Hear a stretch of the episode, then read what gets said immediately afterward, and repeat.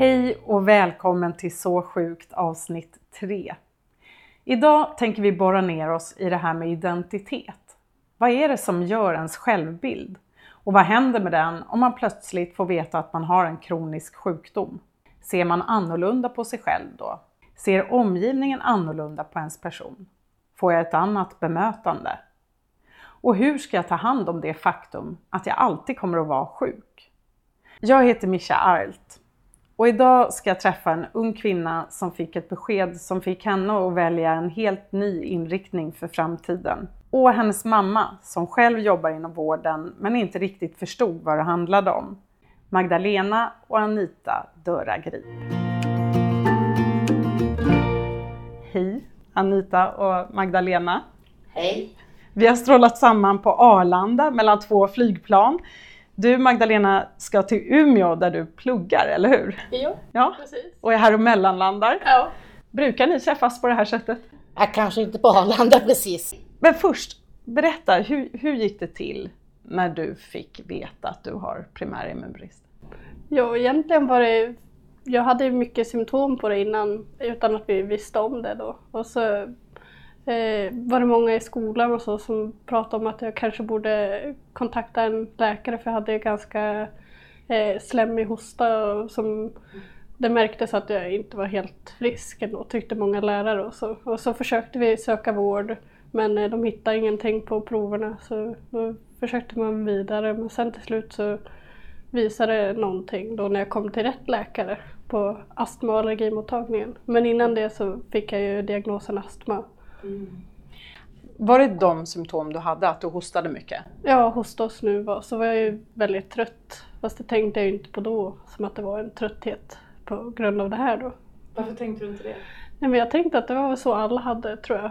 Jag var ju så van vid det. Så, För du hade alltid känt det så eller? ja, eller i alla fall eh, i två, tre år. Det vi upplevde det var att du host, hade hostat i fem år ungefär när vi sökte första gången då, då var det 14. När vårdcentralen, då hade vi sökt på vårdcentralen för hosta. Till sist vande man sig som förälder att du hostar hela tiden. Så då sökte vi och då tyckte de väl i alla fall att, ja, astma då. Så att vi fick komma till allergologen då. Och det var lärare som sa det till dig också? då? Ja, bland annat var det det. Och sen var det ju också eh, en av mina systrar också som tyckte att vi skulle söka mer. Men det var för att hon var ju, mina systrar är ju mycket äldre så de har ju flyttat hemifrån och de märker väl av det mer att jag hostar. Och då sa de att nu, nu ska ni nog söka igen. Tror jag. Ja. Men var det så som att det blev som en vana för er att Ja. du hostade? Ja.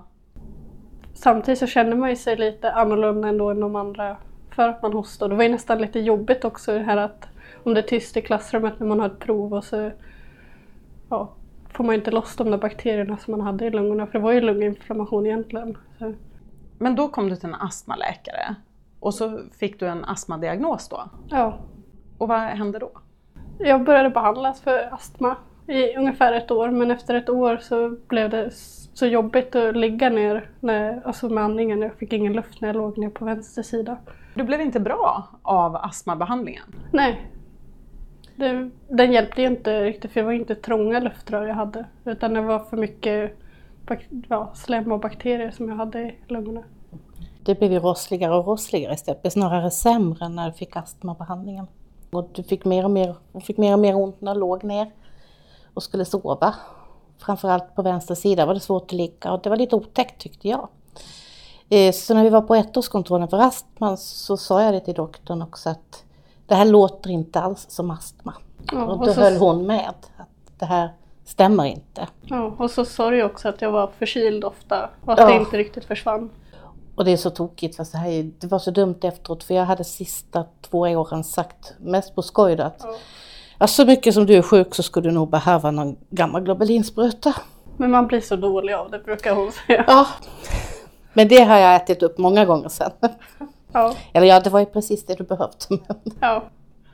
Men då fick du diagnos? ja, det var ju tur att jag fick just den här läkaren jag fick. För att hon hade precis, bara några veckor innan hade hon varit på någon konferens eller någonting och lärt sig mer om de här proverna. Så tänkte hon att vi provar ta de proverna. Så tog hon de proverna och så ringde hon upp och så sa hon att det hade blivit något fel på labbet. Vi fick ta dem igen. Så tog vi dem igen och så var det inget fel utan det var ju som hon hade trott då att det var immunförsvaret det var fel på. Och det var väl att de var så dåliga så man trodde det var fel värden första gången. Men det gick väldigt snabbt, det gick bara två dagar tills de ringde och fick ta om proverna. Och då visade de samma resultat? Ja. Och vad hände sen? Sen fick jag, jag tror hon ringde på en torsdag eller fredag och så gjorde hon i ordning tid så att jag fick komma in på måndagen redan därefter för att prata igenom vad vi skulle göra. Så, och sen dagen därefter så fick jag min första intravenösa behandling på sjukhus. Med antibiotika då? Eh, ja, jag fick ju sånt här bred spektrum antibiotika som jag fick äta i tre månader då för att bli av med alla bakterier jag hade. Och sen fick du immunglobulin intravenöst. Ja. Behandlingen börjades dagen efter hon fick diagnosen. Hur var det? Ja, det var en spännande upplevelse tycker jag. Jag kommer ihåg första, att första behandlingen så skulle, hade vi pratat om att vi skulle åka till Ikea efteråt och fika och handla lite sådär. Bara för att göra något kul i samband med den här eh, vistelsen. Men det var ju lite jobbigare än vad jag trodde att få. Här. Jag började känna av att jag hade lunginflammation till exempel. Och kände av smärta på ett helt annat sätt och kände mig tröttare. För de började ju liksom bekämpa de här bakterierna. Så du började med att bli sämre, Ja. må sämre? Ja, Men det var ett tecken på att du började bli friskare? Ja. Men hur var det rent psykiskt då att få det här beskedet? Jag tror i början så reflekterade jag inte så jättemycket över det. Det var nog snarare senare när jag började försöka ta behandlingen själv. Jag skulle sticka mig själv och sådär. Man tänker att man måste göra det hela livet. Det var nog då jag började vilja göra mer revolt och jag ville inte sticka mig så mamma fick sticka mig ibland. Och, och hur var det då? Vad var, hur gick tankarna? Eh, det var väl mest bara att man ville vara som alla andra. Framförallt i den åldern också.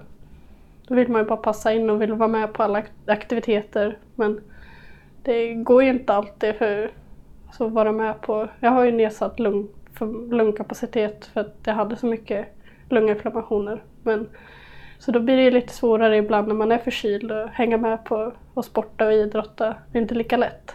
Var det mycket du kände att du fick avstå ifrån? Inte så mycket egentligen tror jag, det var mer bara tanken på det som var jobbig. Tror jag.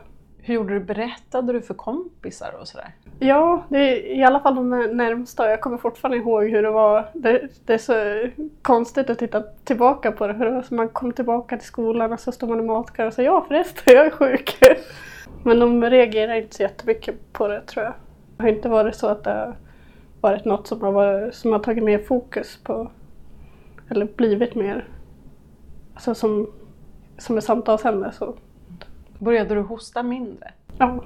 Ja, det var det första som slog oss. Ja. Det var tyst. Ja, det var ju också mycket tack vare den här andningsgymnastiken jag fick göra. Också. Du inhalerade och så? Ja.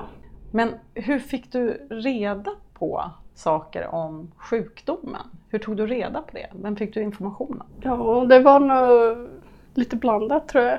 Lite från internet såklart, man googlar. Sen från patientorganisationen PIO också såklart. Det, det var ju där jag för första gången fick veta att jag inte var ensam. Vilket man ju känner i början. Säkert alla som diagnostiseras. Hur var det för dig då, mamma? Ja, om jag ska backa tillbaka så den där första helgen när vi fick beskedet på torsdagen att vi var tvungna att komma in till sjukhuset hela familjen på måndagen. Då förstod ju jag som har sjukvårdsbakgrund att det här är allvar. Så det var nog den värsta helgen i mitt liv, en helg jag aldrig kommer att glömma. Men vi hade vårt eget sätt att lösa det. Vi bäddade ner våra vuxna barn i våran säng. Och Magdalena och jag låg och tittade på favoritfilmer hela nätterna då. För det var ju lite svårt att sova där. Ja. För det var så mycket som rörde sig i huvudet, så mycket som...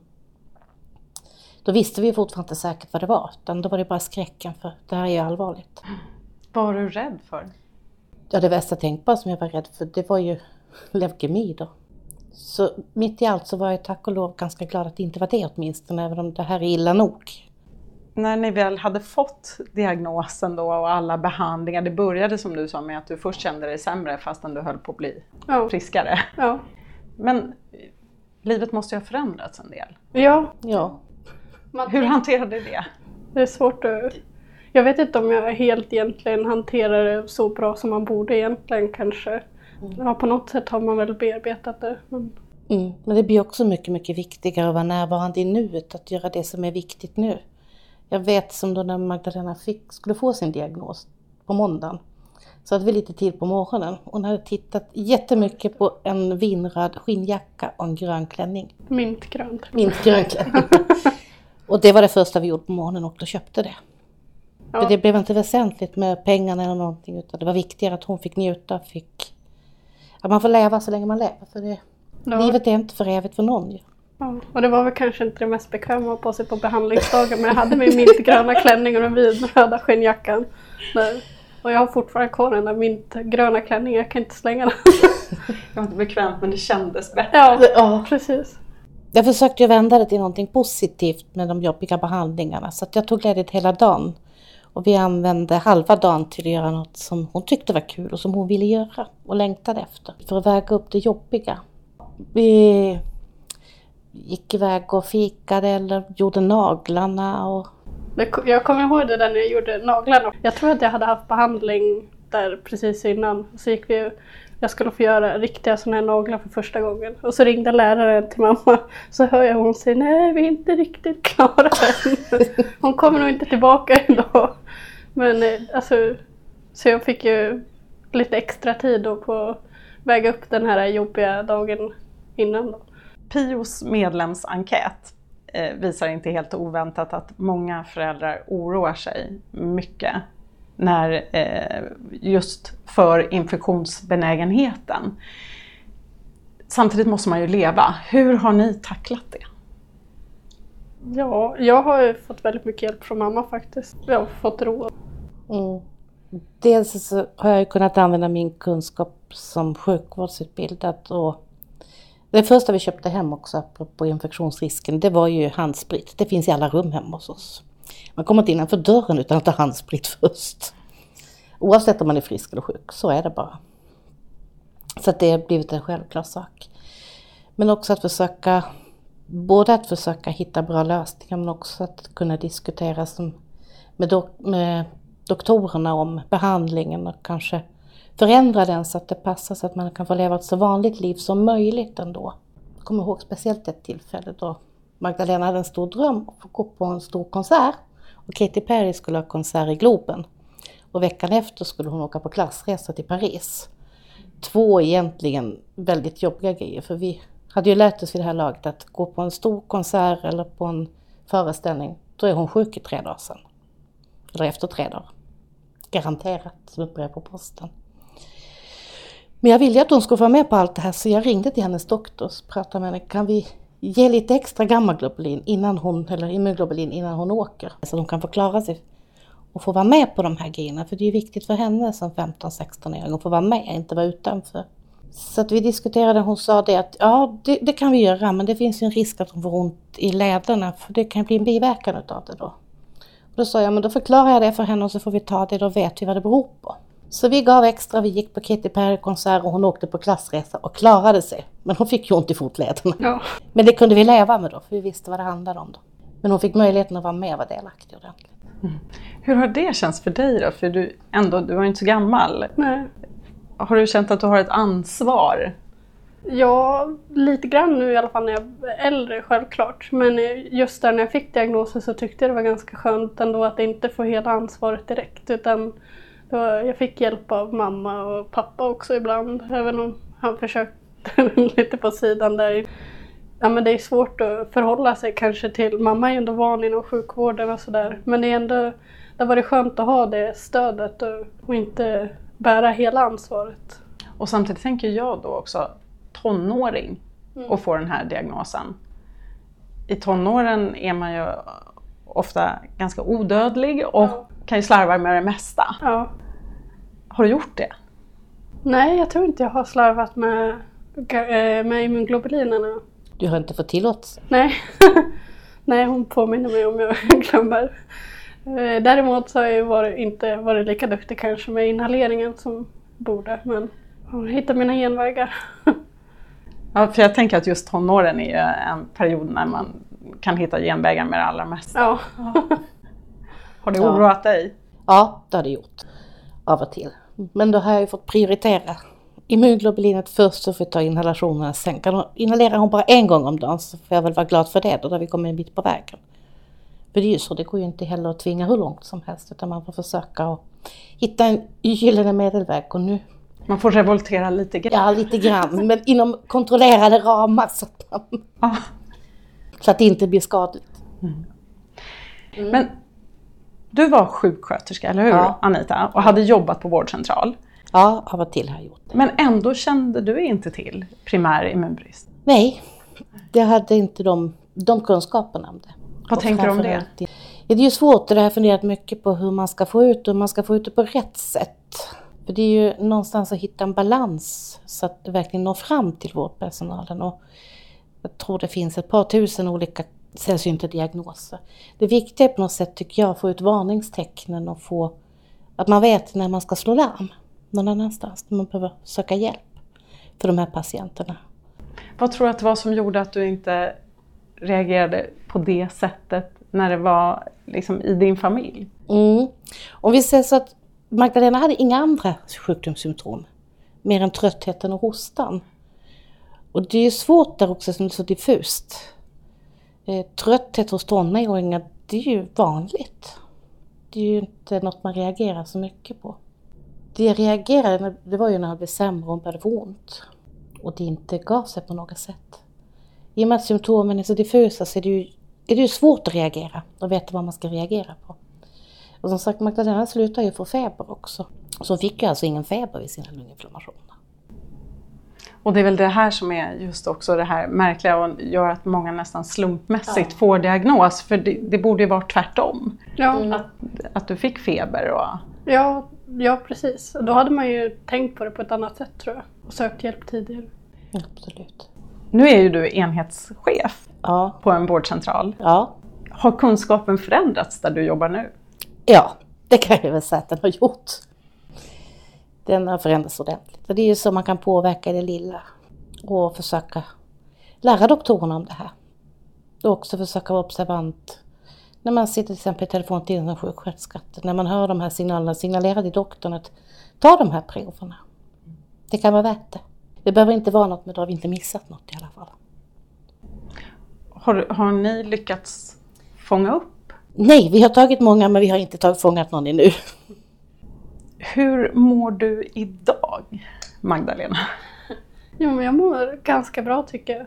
Väl, har lite små förkylningar här och där. Men väldigt mycket bättre än en hel del andra som har immunbrist. Jag känner mig nästan lite... Jag känner mig nästan lite som att det är... Eh, jag vet inte hur jag ska formulera det men det känns nästan lite som att jag har dåligt samvete för att jag mår så bra i jämförelse med många andra. Men jag är väldigt glad för det också. Det är klart. Hur mycket behandling har du nu? Jag har 50 milliliter i veckan. Om du skulle säga i tid, hur mycket tid tar sjukdomen i veckan för dig ungefär? Det, det beror på om det är en bra vecka med inhaleringen eller inte. Men om man tänker bara immunglobulin så är det två till tre timmar per vecka. Och så är det inhalationer. Ja, då skulle det bli två timmar om dagen till. ja inte riktigt två timmar men nästan. Säg mamma. Ja, Och hur mycket blir det? Jag vet inte om jag vill svara på den frågan. Då går vi vidare. Du är fortfarande så ung. Men nu har det ju gått sex år Mm. sedan du fick diagnos. Känner du att du har liksom accepterat att du har primär immunbrist? Ja, jag tror att jag har det nu. Jag tror jag har tagit det ett ganska bra tag faktiskt innan jag har accepterat det. Jag har tänkt att jag har accepterat det tidigare men jag tror inte att jag fullt ut har gjort det först nu. Framförallt när jag flyttade hemifrån då. Vad är det som har varit störst motstånd mot att acceptera? Jag vet inte om det är tanken på att man måste behandlas hela livet, att det inte finns något botemedel än så länge i alla fall. Men nu när jag pluggar den här utbildningen jag gör så tänker jag också mer på möjligheterna. Så jag tror att det på sätt och vis har hjälpt lite också. Nu måste du berätta vad du pluggar. jag pluggar bioteknik. Förhoppningsvis ska, vill jag vara med och utveckla läkemedel eller behandlingsmetoder. Det är väl en av drömmarna, men jag har många så jag vet inte riktigt vilken det blir än. Men är det därför du pluggar det här? Jag tror det har definitivt spelat in till att jag valde det här. Från början ville jag ju bli läkare men jag insåg att det var inte jättebra eh, område kanske om man är infektionskänslig. Och så började jag kolla runt lite och hitta genvägar på vad som kan vara relativt likt ändå men som är bättre för mig i längden. Då hittade jag den här utbildningen egentligen bara någon månad innan jag skulle lämna in ansökan. Vad, vad gjorde, var det som gjorde att du kunde acceptera mer när du flyttade hemifrån? För att då var jag tvungen att ta på mig allting som jag innan hade sluppit. ja. ja, nu skrattar jag ja. lite här bredvid. Hur lätt var det att släppa iväg henne? Det var inte lätt. Det var mycket funderingar och det är ju så man har fått ett barn som har en kronisk livshotande sjukdom att det går ju upp och ner. Vissa perioder så tycker man att det är ingenting och det går som vanligt. Och, men det kommer ju över en emellanåt, det gör det. Det finns ju alltid med. Och då funderar man på hur går det? Vad händer om hon blir sjuk? Och hon var inte glad på mig när hon började utbildningen i Umeå. Vi var med upp, det måste jag berätta. Vi var med upp dit och jag släpade med henne till infektionsmottagningen för att hon skulle träffa sköterskan som har hand om immunbristarna där. Och hon stod där, mamma, nu går vi. Jag var halvvägs ut. Jag var envis. Så att, och jag fick träffa henne och hon var glad att vi kom dit och träffade henne så visste om att Magdalena fanns där. Så är det att ha en mamma inom vården. Men det var så pinsamt när vi väl stod där. Jag tänkte så brukar man inte göra. Det är ju så när man slåss för sina barn, då blir man en björnhona vem man än är. Men har du accepterat, känner du? Eh, jag har funderat på det. Jag tror inte man riktigt accepterar någon gång. Det handlar nog mer om att hitta förhållningssätt och förhålla sig till det. Och att hitta de positiva bitarna i det. För jag tror inte jag kan säga att man accepterar det. Inte helt ut. En fråga till båda er är ju också, som du sa, att det, man kan inte acceptera helt. Men, men hur ser ni på framtiden? Jag ser väldigt ljust på framtiden faktiskt. Jag har lärt mig mycket nytt som jag inte visste innan. Och som gör att jag kan se ljus på framtiden tror jag. Vad är det som ger dig hopp? Eh, nej men att jag kommer kunna ha ett normalt liv ändå. Jag kommer inte behöva spendera halva mitt liv på sjukhus. Och det var ju, eh, det var ju verkligheten för bara kanske 20 år sedan. Att man fick spendera väldigt mycket tid på sjukhus. Så att lära dig mer själv om sjukdomen har gjort ja. dig tryggare och mer hoppfull? Ja, precis. Och sen går ju tekniken så fort framåt. Så naturligtvis tror man på en ljus framtid och förhoppning om att det kommer att finnas bättre hjälp i framtiden.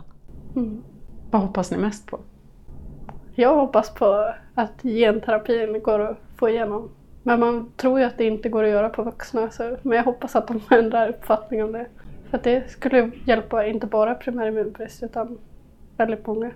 Och jag håller ju med Magdalena. Jag tror ju mycket på att utvecklingen av genterapin, även om man idag har svårt att göra det på vuxna, så tror jag att framtiden kommer att se annorlunda ut. Är det här någonting som du ska vara med och forska fram, Magdalena? Ja, jag hoppas det i alla fall. Det skulle vara jättekul. Tack så jättemycket för att ni är med här idag, Anita och Magdalena. Tack själv. Tack. Det är jättekul att vara med. Nästa, Munkebäckstagningen. Nu är jag så sjukt på väg för att träffa psykologen Anna Norén. Vi vill fråga henne också om hur ens självkänsla påverkas, ja kanske faktiskt hela ens identitet när man drabbas av en kronisk sjukdom.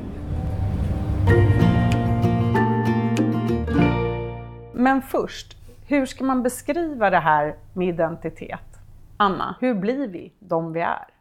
Ja, vår identitet börjar ju skapas redan när vi är små utav allt som vi möter, människor vi möter, situationer vi hamnar i, erfarenheter som vi gör. Och självkänslan hänger ju ihop med identiteten. Det är, det är så vi liksom uppfattar oss själva. Att vi speglar oss i andra och vi får liksom så så feedback på vem vi är. Och självkänslan eh, byggs väl upp särskilt mycket av liksom personer som är oss nära som bekräftar oss och visar att vi duger och att man känner att man är en person som är viktig och så. Mm. Om man sen då får veta att man har en kronisk sjukdom så påverkar det naturligtvis. Om man nu tänker sig hur det är under olika utvecklingsfaser så tänker jag så här, när det gäller det lilla barnet så är det ju liksom föräldrarna som reagerar på det naturligtvis för barnet har ju ingen uppfattning om det. För de, det är så litet så att det kan inte det, det behöver snarare i så fall att det är, liksom, det är skrämmande med själva sjukhusmiljön och sådana saker. Det man kan tänka på då, det kan ju vara det här med att underlätta för anknytning. Och att det kan vara svårare att ta till sig ett barn som man vet har en sjukdom. Det är ju, inte någon, det är ju ingenting man gör medvetet utan det ligger på omedvetna nivåer. Men, men man kan ändå man kan liksom underlätta för det liksom genom att kanske just fånga upp förälderns stress och se om man det finns ändå liksom så strategier som man kan hantera det på bättre och sämre sätt. Så det kan vara liksom något att tänka på. När det gäller en liten aning äldre barn, alltså i 2-3 års åldern, då börjar de ju ändå liksom så här, kanske förstå lite grann i alla fall. Eh, för de behöver ta lite behandling och sådana saker. Och det är ju också i den åldern när man eh, börjar förstå att man är en egen person och man kan säga nej och jag vill inte vara med och sådana här saker. Um, när de är i sexårsåldern sådär kanske då, då har de börjat förstå ännu lite mer. Så. Eh, och där kan det vara liksom mer utav sånt här, de har inte liksom utvecklat eh, sitt realitetstänkande riktigt på samma sätt så det kan vara mycket liksom magi i, i hur man uppfattar saker och ting och hur man kan, man kan inte riktigt skilja på vad som är inuti en och utanför en och så.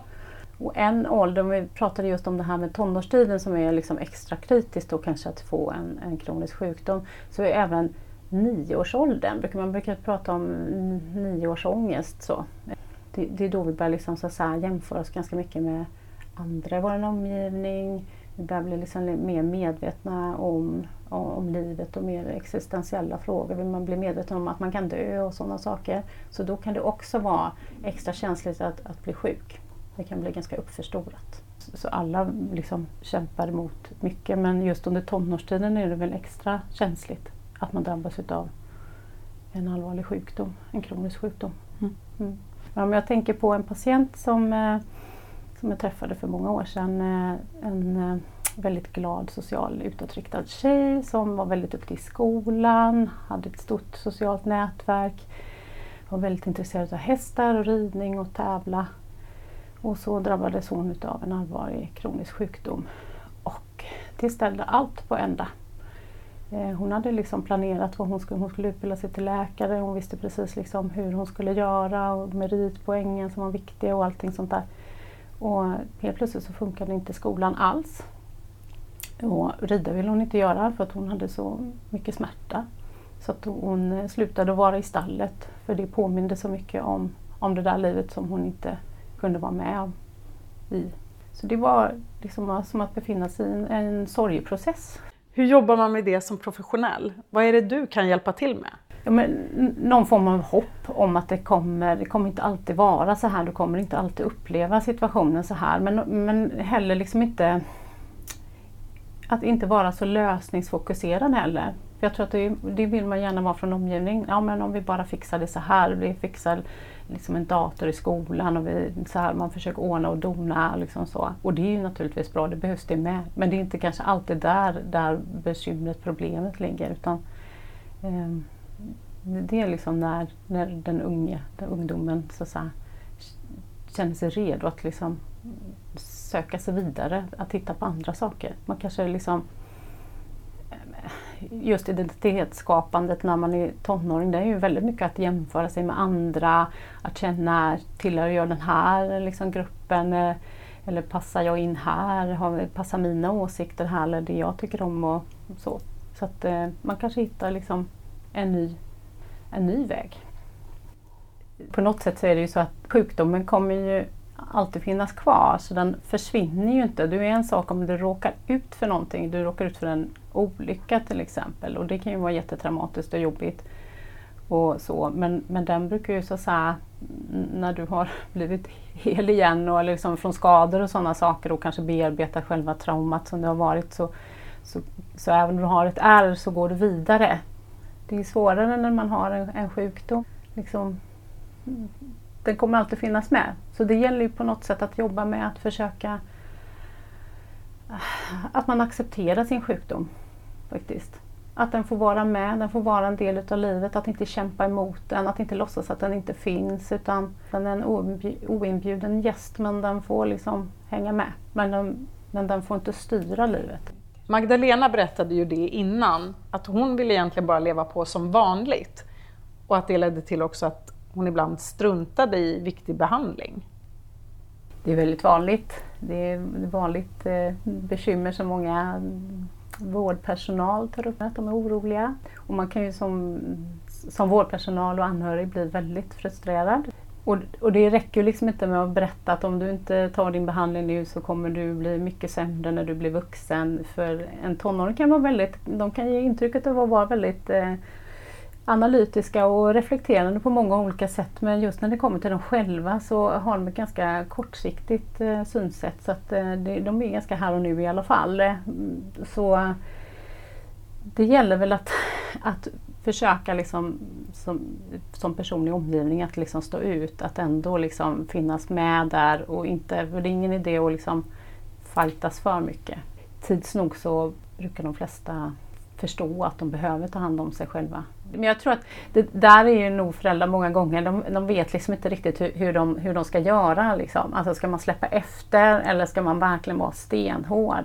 Eh, och där får man ju liksom lite känna vad är det för tonåring, vad är det för barn man har? Vad, vad tror man kommer funka bäst? Det finns ju ingen liksom, så, så manual för det där riktigt. Och vilket sorts stöd kan man behöva då för att komma dit, förutom det rent medicinska stödet?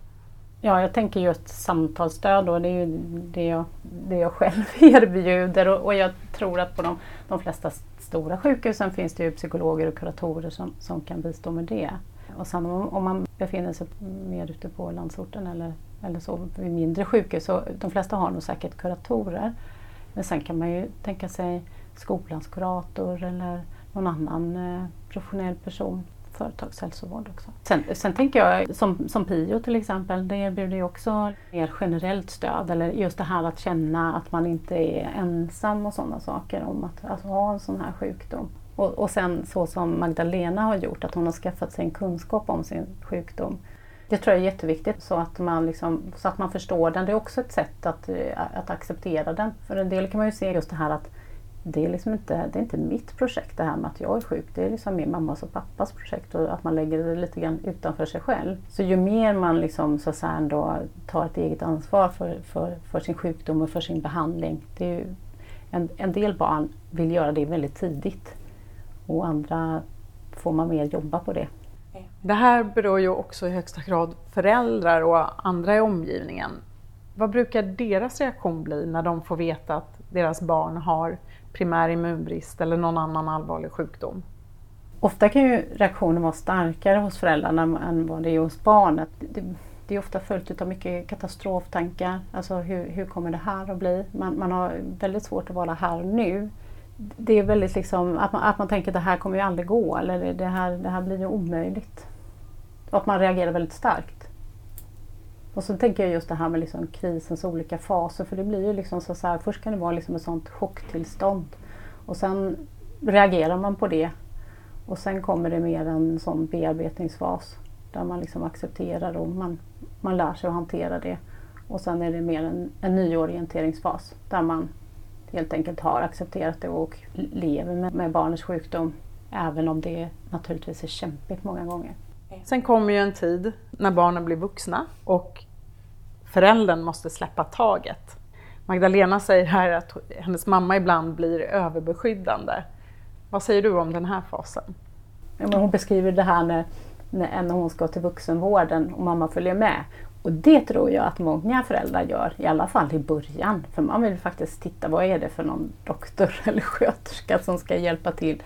För har barnen har de liksom så här, fått sin behandling under lång tid på barnsjukvården så är det liksom ett speciellt omhändertagande och jag, många liksom barn och ungdomar, alltså det, det är liksom när, när liksom tonåringen när de fyller 18 och ska överföras till, till vuxenvården så är det ju ganska skrämmande. Man vet inte vem, vad är det, hur kommer det här bli? Det är det här jättestora sjukhuset jag ska gå på nu. Och, för, för det, är liksom, det går inte att säga att när, så här, när, när barnet är si så gammalt då ska de klara det här och det här utan det, går, det är ju liksom, mm, liksom beroende på vad är det här för ett barn och vad är det för en mamma eller pappa. Magdalena är ju liksom en ung vuxen och hon verkade väl liksom så det kändes ju som de hade eh, liksom en god relation verkligen. Och att de hade liksom hittat liksom formerna för att mamma hade ändå fått liksom vara med och styra upp vissa saker och vara med ganska mycket. Och så berättade de ju hur de skapar lite positiva associationer kring behandlingen. Så det är väl jättefint att man, kan, att man ändå kan ladda det med någonting positivt också. Många gånger kan det ju vara så att behandlingen tar ganska lång tid också så att det är verkligen så. Det, och det kan ju vara ganska, alltså det är ju lite långtråkigt och, och så kanske är lite smärtsamt också emellanåt. Och det, ofta, man gör ju liksom så, man gör det tråkiga först och så det roliga sen. Och om du ska försöka summera det här och komma med några goda råd? Men det är väl framförallt det här att liksom ta reda på mycket om sjukdomen. Eh, och och liksom, liksom söka stöd runt omkring sig och, och prata om det. Och, och tillåta sig att liksom reagera på och tycka att det är jobbigt när det är jobbigt. Men också inte låta sjukdomen styra hela livet. Att det liksom innebär inte liksom att, att allt blev förstört. Utan det finns, eh, det finns andra sätt att, att göra och lösa saker och ting. Nu har vi pratat mest om barn och ungdomar så, som har drabbats av en kronisk sjukdom. Men det är ju naturligtvis så att även som vuxen kan man ju få veta att man har en kronisk sjukdom. Eh, och då det, naturligtvis blir liksom reaktionen lite grann densamma. Men eh, som vuxen har man ju en lite mer färdig identitet på något sätt. Men det, det kan, självklart kan ju det innebära en identitetskris att få en, en allvarlig sjukdom som inskränker på livet mycket. Men eh, där vill jag väl också ge, liksom, så här, det, det, finns ju liksom hjälp och stöd att få även som vuxen naturligtvis. Och strategin är ungefär densamma. Tack Anna Norén för att vi fick komma hit och prata med dig. Tack. Nu har det blivit dags för lyssnarfrågan. Anders svarar och förklarar. Jag får ofta huvudvärk och så känns det som jag fått influensa och blir allmänt ruggig och trött när jag tar min immunglobulinbehandling hemma. Det kan hålla i sig en hel dag efter. Vad beror det på och kan man göra något åt det? Och blir det någon skillnad om man får immunglobulin intravenöst eller subkutant? Mm, det där är en spännande fråga och en viktig fråga. Man kan dela upp den i olika bitar. Om jag först säger så här att när man startar immunglobulinbehandling, det vill säga att när man har fått reda på vilken sjukdom man har och ska få första gången, då får man ofta intravenöst. Då har man kanske inte infektion men man har den där tröttheten som talar om att det ändå är någonting på gång i kroppen. Då får nästan alla en ordentlig feberreaktion i samband med detta. Det är inte farligt, det är inte en biverkan av, av immunglobulinet. Det är snarare verkan, det gör nytta. Det händer det som normalt skulle hända när vi har fått en infektion. Det blir ofta också huvudvärk i samband med detta. Och en del då när man får det intravenöst, det ser till att man har druckit ordentligt, kanske minska på takten man ger det hela, nästa gång ger det långsammare för säkerhets skull. Det brukar vara så att det där feber och huvudvärk i början successivt blir mindre. Det är sällan när man får det subkutant i hemmet som man har så mycket besvär. En del har lite feberkänsla men huvudvärk är väldigt ovanligt just när man ger det hemma. Men jag har hört flera säga att eh, man kan bli väldigt trött. Ja, en del blir trött och det är nog också den här verkansreaktionen som är då att det gör nytta. Och vad man då kan fråga sig är, får jag tillräckligt med immunglobulin? Är det så som en del säger och känner att eh, kanske mer när de får det intravenöst på sjukhus, att sista veckan Mår de sämre, känner sig lite, ja den där tröttheten, lite sjukdomskänslan kommer tillbaka. Då är det ett tecken på att det är för lite. Det kan också vara när man får det subkutant att det kan vara de sista dagen eller dagarna precis innan man känner sig. Så en lösning ibland är faktiskt att öka dosen. Men tycker du att brevskrivaren ska ta upp det här med sin läkare? Ja, absolut. Och ta en fundering kring, är det tillräcklig dos? Skulle det kunna vara mera? Mm. Tusen tack Anders! Och du är tillbaka i nästa podd också. Då hörs vi igen. Det var allt för idag. Har du egna frågor till Anders Fast så mejla dem till sasjukt pio.nu sasjukt pio.nu Tack för att du har lyssnat på patientföreningen Pios podd Så sjukt. Om du vill veta mer om primär immunbrist så gå in på www.pio.nu. Där kommer också alla avsnitt av podden att läggas upp. Tack också till CSL Bering som Pio samarbetar med för att göra den här podden möjlig.